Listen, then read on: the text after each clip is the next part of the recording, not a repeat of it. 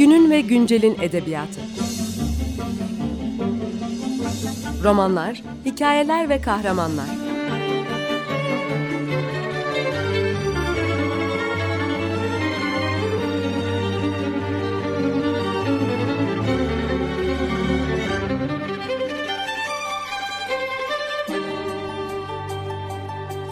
Hazırlayan ve sunan Seval Şahin.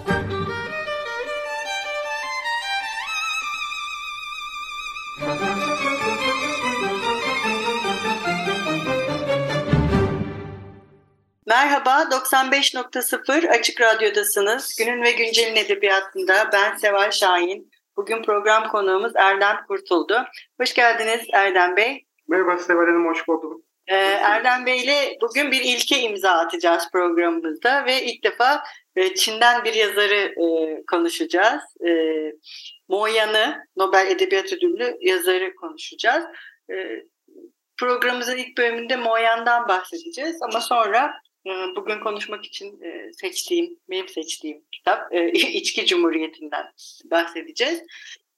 E, Erdem Bey kimdir Mo Yan? Yani Nobel ödülü almasaydı bilir miydik bilmiyorum tabii de. Ee, açıkçası ben de bilmiyordum kim olduğunu Nobel ödülü almadan önce.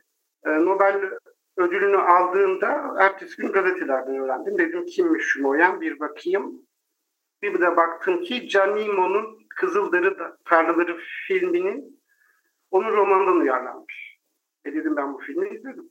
Sonrasında da e, kitaplar geldi ve çevirmeye başladım. E, Moyan 1955 yılında komünizmin ilanından 6 sene sonra doğuyor ve bu bütün süreçleri geçiriyor. Büyük ileri atılım, kültür devrimi, toprak reformu ve bunların etkilerini hepsini romanlarında görüyoruz. 2012 yılında Nobel almasının gerekçesi de tarihi, şimdiyi e, ve halk hikayelerini kaynaştırmadaki ustalığından dolayı veriliyor ve Moyen'in ana kaynağı halk hikayeleridir. Sözlü kültürle beslenir ve hala yazmadığı pek çok öyküsünün olduğunu söylüyor. Dedesinden ve ninesinden duyduğu öyküler. Peki Moyan ne demek? Bunu biliyoruz şeyden ama. Onu evet biliyoruz. Moyan konuşma e, demek. seçtiği bir isim kendisine Seçtiği değil mi? bir isim. Asıl adı Guan Moye. Hı hı. O, oradaki Mo'yu, Guan Moye'deki Mo'nun Çince imini e, birkaç imin bileşiminden oluşan bir şey o. Ayrıştırıyor ve ayrışan imlerde kendi başlarına sesleri var. Onlar Mo ve Mo Yen'e denk geldiği için öyle bir isim seçiyor ve bu da sakın konuşma oluyor. Peki Onu yazmadan tabii görsel olarak anlatmadan biraz zor ama evet Çince'de değil mi? Bir de ben de Evet. onu düşündüm herhalde görsel bir e, oyun da. YouTube'da bir video var orada anlatıyorlar güzelce. Hı hı. Bir ara size atarım. Tamam çok güzel. Belki e, şey programımızda da e, programımız yayınlanmadan önce bunu paylaşırız dinleyicilerimizle. Onlar da bunu izlemiş olurlar. Peki e, Moyan'ın edebiyatı Çince'de çok rastlanan bir edebiyat mı yapıyor Moyan? Çok yani bildiğimiz Çin edebiyatı böyle bir edebiyat mı? Çin edebiyatı en başından beri çok büyülü ve alt hikayelerini beslenen bir edebiyat ve e, Moyan bunu postmodern bir şekilde yazıyor ama. Peki Yani başka bir fantastik olaylar var. Başka olmaz mı? E, Pusonin diye romanda da bahsediyor İçki Cumhuriyeti'nde. Moyen'in ustam diye saydığı bir yazar vardır. 17. yüzyıl civarı Çin döneminde yaşamış. Hayalet ve tilki hikayeleri yazar. Fantastik olayları işlerler. Ki Çin tarihinde e, Zhiguai diye bir terim vardır. Tuhafın kaydı. İmparator tarihçileri sokaklara gönderip halk arasında dolaştırıp tuhaf olayların kayıtlarını almışlardı ve bunlar tarih kaydı niyetine de kullanılır Çin'de. Oralardan beslenen bir yazar Moya. Ee, yani aslında bir nevi e, bu eskilerin Osmanlı'da vakanüvis gibi değil mi? Bir vakanüvis Gibi. e, şey de var, tavrı da var. Peki bu e, çağdaş Çin edebiyatında bu e, Moya'nın e, gelenekseli e, geleneksel olanla ya da büyülü olanla postmodern edebiyatı birleştirmesi e, onu e, çağdaş Çin edebiyatından ayırıyor mu? Yoksa bu e, çok rastlanan bir şey denilebilir mi? Biraz bahsettiniz ama genel bir eğilim mi? Yan Yankı var benim çevirdiğim başka bir yazar. Mesela onu okuduğunuzda da göreceksiniz. Onda da var. Türkçe'yi çevirmediğimiz pek çok yazarda da var. Yani genel bir durum aslında. Ama Çin'e özgü büyülü gerçekçilik diyorum ben buna. Hani Latin Amerika ile bağlantısı elbette ki var ama Çin'de en eskiye gittiğinizde bile görürsünüz. Şu tarihte bir at tilkiye dönüştü diye tarih kaydı vardır yani. Çok fantastik bir coğrafya. Evet bence de yani Latin Amerika'dan bayağı farklı bir e, fantastik ve büyülü gerçekçilik var Mo Moyan'da. Peki e, mesela yani şeyi hepimiz biliyoruz ki Nobel sadece iyi edebiyat değil aynı zamanda politik de bir şey ödül. Neden bunu alıyor? Hayatında bir şey mi var yani onu Nobel'e taşıyan? E, yani bunu ee, onu küçültmek için demiyorum. Yok, hiçbir fikrim yok. Ama partiyle dirsek teması olduğu bilinen bir gerçek. Komünist bir yazar değil mi? Evet, komünist bir yazar ve askerlikten geliyor. Ama sistemi değil de sistemin içindeki insanları eleştirir romanlarında da. Evet evet burada bir e, şey e, bir büyük birader durumu var aslında. İçki tabii, tabii. Onu da hani konuşacağız zaten. Peki bir de bu sizin bu çevirinizin işte biyografi kısmında da var. Burada yayın evi yazmış sanırım. Çin'de yaşayan ve Çin'de yaşamaya devam eden Nobel ödülü alıp da, evet değinelim. Evet, e, ondan öncesinde biliyorsunuz e, Gülseren Devrim çevirmişti. 2000 yılında Gavşin Ruh Dağı'yla Yalnız Bir Adamın kitabını. Ama e, Çin'den sürülüyor. Fransa'ya gidiyor ve Fransız vatandaşı olarak alıyor ödülü. Çin'de yaşamayan ilk Çinli Nobel ödüllü yazar. Yani Moyan, Çin'de yaşayan ve yaşamayı sürdüren. Evet, bu ikinci Çinli yazar o zaman değil mi Moyan? Evet, ikinci. Nobel Edebiyat Ödülünü alan. Ee, peki e, biraz şu şeyi bir açalım istiyorum. Ee, bu büyülü gerçekçilik e, hani o söylediğin şey de çok güzeldi. İmparator hani hikayeleri toplamak. Değil mi? E, halkın arasına bir sürü kişiyi sokması. Şimdi bu başka bir sözlü gelenek. Yani sözlü geleneğin daha bir aktarımının aktarımına dönüşüyor galiba neredeyse değil mi? Sanki toplu düşünme ve o kolektiflik e, birlikte hayal etmek gibi. Evet, evet ve bu hikayeler kulaktan kulağa da çok yayılıyorlar. Ve bu hikayelerin toplandığı kitapların çoğunda da bir yerde gördüklerim, duyduklarım, şunun kaydı diye başlıkları olur hikaye külliyatlarının. Bu da benim doktora konum. Peki nasıl yazılıyor bunlar? Nasıl yazıya geçiriliyorlar? Ya da ee, geçiriliyorlar mı hepsi? Hepsi değil. İçinde her şeyin kaydı vardır. Bu biraz önce söylediğiniz şey de önemli. Hani şuradan duyduğum, bundan dinlediğim gibi başlıkların olması. Çünkü bu Moyan'da da var. Yani bu içki cumhuriyetinde evet, var. öyle anlatıyor. Bir e, şey var. Birden o, çok o, Buyurun. onları da ben bir de e, birisinden duyduğu nedeniyle mişli geçmiş zamanda veriyorum. Onu da fark etmişsinizdir.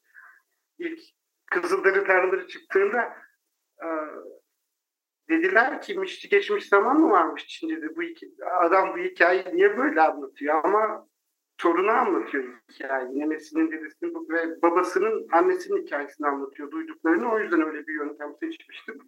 Ama evet Çince'de vardır mişti geçmiş zaman çok da sık kullanılmaz. Yakın bir zaman miştiye. Yapmıştım gibi.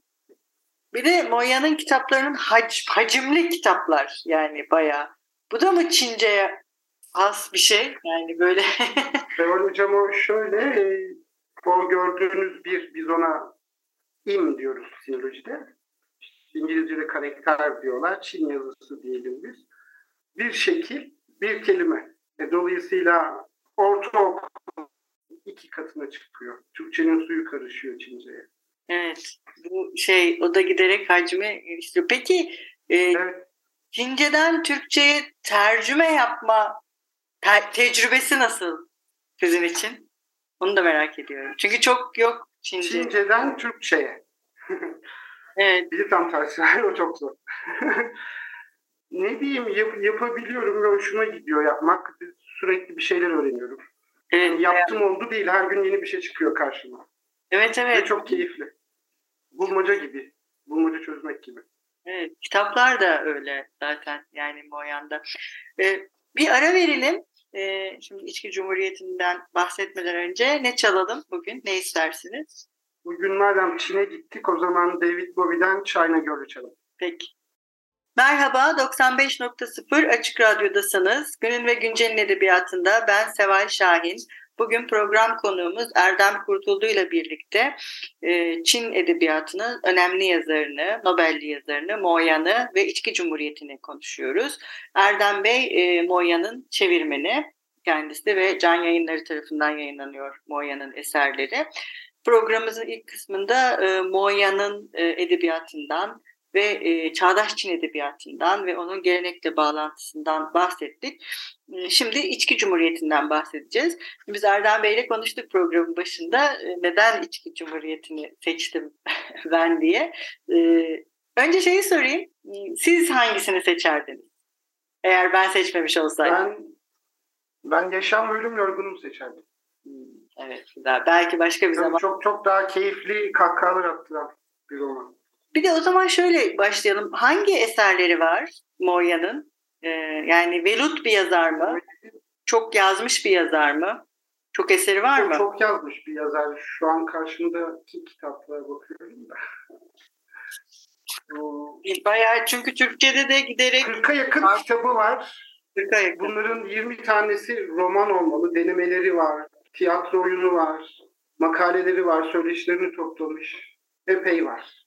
Evet, bayağı şey üretken bir yazar. Hı hı. Türkçe'de de altı tane oldu. Hı hı, altı tane evet. Fena değil. Türkçe'de de okundu bayağı değil mi? Çok da ilgi gördü Moyan. Evet e, birkaç baskı yaptı. Evet. kitapları. Evet bayağı şey hani giderek sosyal medyayla az oku, az yazılıp öz okunan diyelim şeye karşılık Moyan'ın eserleri. Ve bir de ama kitaplar ilginç bir şekilde bu da öyle çok hızlı bir şekilde okunuyor. Yani e, öyle bir e, kolay okunan, sürükleyici bir e, yazar. Tabii bunda sizin de e, payınız şüphesiz. Yani onu Türkçe aynı dilde vermemiş olsaydınız bu kadar rahatlıkla ve keyifle okunmazdı. Çok keyifle de okunan bir yazar. Ben çok keyifle okudum. Ellerinize ve dimağınıza sağlık. E, şimdi bu kitabı ben e, polisiye sevdiğim için seçtim. O yüzden e, bunu konuşuyoruz. E, peki mesela sizce bu kitabın e, Moya'nın edebiyatındaki yeri nedir? Böyle başka kitapları var mı? Yoksa bu biraz ayrıksı mı? Çok, çok ayrıksı duruyor bir kere konusuyla ve iç içe geçmiş hikayeleriyle, farklı türleri bir arada kullanmasıyla. Ee, Moyan ilk kez kendini de bir kurgusal karakter olarak bu romanda ortaya atıyor. Daha sonra Yaşam Ölüm Yorgunluğu da çıkacak. Birkaç romanı daha yine var. O yüzden önemli ve e, şimdi Moyen yasaklı bir yazar olduğu için şöyle diyeyim Tiananmen Meydanı olaylarından birkaç ay sonra yazmaya başlıyor kitabı. 92'de yayınlanıyor. Onu da Tayvan'da yayınlatabiliyor. Şimdi çünkü yasaklı ve hani, kitabın konusundan biraz bahsedecek olursak bebek yiyorlar ya için diyor ki burada basamazsın. Böyle daha özgür bir ortam olan Tayvan'da bahsediliyor. Daha sonra Nobel'den sonra bütün kitapları tabii içinde basıldı. Evet peki şey bu e, kendisi e, bir de Moyan'a hikayelerini gönderen biri de var burada. Moyan evet. mektuplaşıyorlar. O hikaye de var. O bölümler harika. Evet evet onlar çok güzel.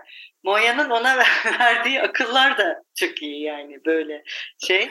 Hem, e, Orada bir mizah da var aslında. Yani tabii evet. ben bir şey de düşündüm. Muhtemelen o bir edebiyat ortamını ve bir edebiyat geleneğini de eleştiriyor herhalde bütün bunları yaparak. Hı. Var mı öyle bir tarafı? Yemi içme kültürü dışında edebiyat ortamını da eleştiriyor. Evet. Muhtemelen başına gelmiş şeylerdir bir fethiler. Evet evet. Bir de bu hani tam kültür devrimi sırasında yani olaylar kültür devrimi sırasında gerçekleşiyor ama herkes sarhoş yani. İçki Cumhuriyeti. Ne kadar kültür devriminden sonra. Pardon, kültür devriminden sonra. Yani şöyle diyeyim, e, dizide, e, kitapta da bahsi geçiyor bir Amerikan dizisi var, Hunter. 80'lerin sonu, 90'ların başı. O, o civarda geçiyor. Yani aslında bu Rusya'daki kültür devrimin daha önce buradaki kültür devrimi de gerçekleşmiş. Ama evet. şey, içki cumhuriyeti yani bu içki cumhuriyeti evet. ve kültür devrimi sonrası Orada bir şey var sanki değil mi? Çin, Çin Halk Cumhuriyeti gibi. Heh, değil mi? Sonuçta bir cumhuriyet var ama halkın cumhuriyeti. Bu da şey içkinin cumhuriyeti ve zaten İçkinin şey cumhuriyeti. öyle bir e, ilk işte oraya gidiyor müfettiş. Böyle bir bayağı bir herkes bir şey hani ne kadar çok içiyorsan o kadar şeysin. Değil mi? Böyle bir Evet. E, şey var. iyisin kabul görüyorsun. Buna göre bir kabul yani aslında ne kadar kafan dumanlıysa o kadar kabul görüyorsun. Böyle bir değil mi? Bir ayıklık Bir, bir değil de de. e, bir, bin kadeh içip de sarhoş olmamak gibi bir durum var ya bir karakterde öyle bir Evet şey. evet. Ama aslında biraz onlar şey gibi geldi bana. Ee, o işte bir- ilk bölümde konuştuğumuz büyülü gerçekçilik ve fantastik hani bu Latin Amerika'dan farklı dediği şey sanki bu Latin Amerika'daki etkileyici olanı tersten kuruyor gibi Moyan. O etkiyi burada tersine etkisizleştirerek e, şeye çeviriyor. E, bu gerçek hani bu kadar içerseniz bir şey olursunuz. Yani alkol komasına girip ölebilirsiniz olursunuz falan ama burada da tam tersi bir şeyi kurup e, sanki kültür devrimine de bir tabii ki herhalde bir gönderme yapıyor. E, mi? tabii ki. Tabii ki. Büt- Bütün Çin, Çin kültürüne, kültür devriminde dahil olmak üzere. O yeme içmenin abartılmasına en çok. İşte çeşitli içkilerinin olmasına. Uydurma içki isimleri falan var mesela. Onlar çok eğlenceli. Evet, bir de şey ben mesela çok şaşırdım. Yani ben hiç Çin'e gitmedim. E, ama yani gidenleri Bir gün umarım gidersiniz. evet giden kişileri tanıdım. Gerçekten bu yeme içme meselesinin bu kadar önemli olduğu. Ama sanırım bu sadece Çin değil, uzak doğu toplumlarının Uzak, uzak doğuda öyle bir şey var. Değil mi? Aa, hocam bir de şey dikkat çekmek istiyorum. Moye'nin kitap isimleri de mesela Kızıl Deri Tarlaları, Saydam Turp, Sarımsak Baladı hepsinde bir yiyecek adı var. Evet.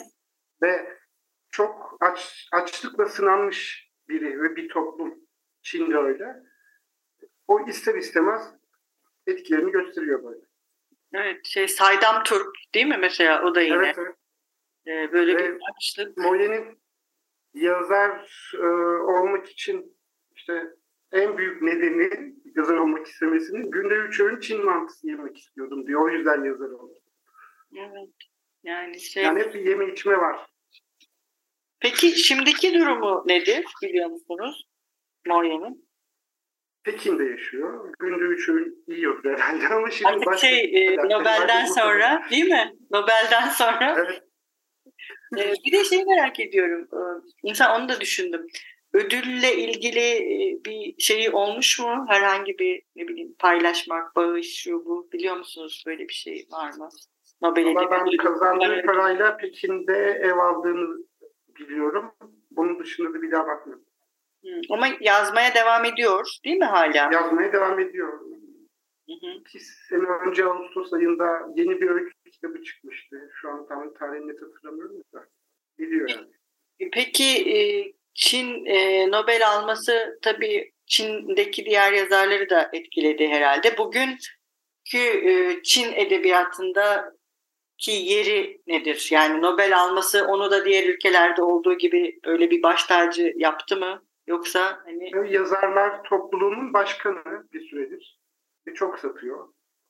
Satışları Kızılderili yüksek tarlalarıyla- Evet. e, hala boğuşuyor Kızılderili tarlalarıyla. İşte operasını yaptı. Dizisi yapıldı. İşte başka bir şeyler daha yapacakmış. Sürekli üretiyor. Çok güzel. Ee, Erdem Bey çok teşekkür ederiz. Çok sağ olun. Ee, Sizin bitirirken eklemek istediğiniz bir şey var mı? Şunu da söyleyeyim. Eksik kaldı. Ben, ben teşekkür ederim. Ekleyecek bir şey bulamıyorum şimdi. Peki şeyi sorayım o zaman. okumalar.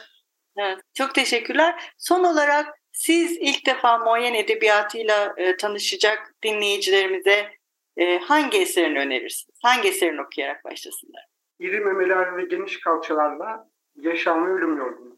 Tuğla gibi kitaplar ama bir çırpıda okunuyorlar. Çok teşekkür ederiz konuğumuz olduğunuz için. Ben teşekkür ederim. Hoşçakalın. Görüşmek üzere.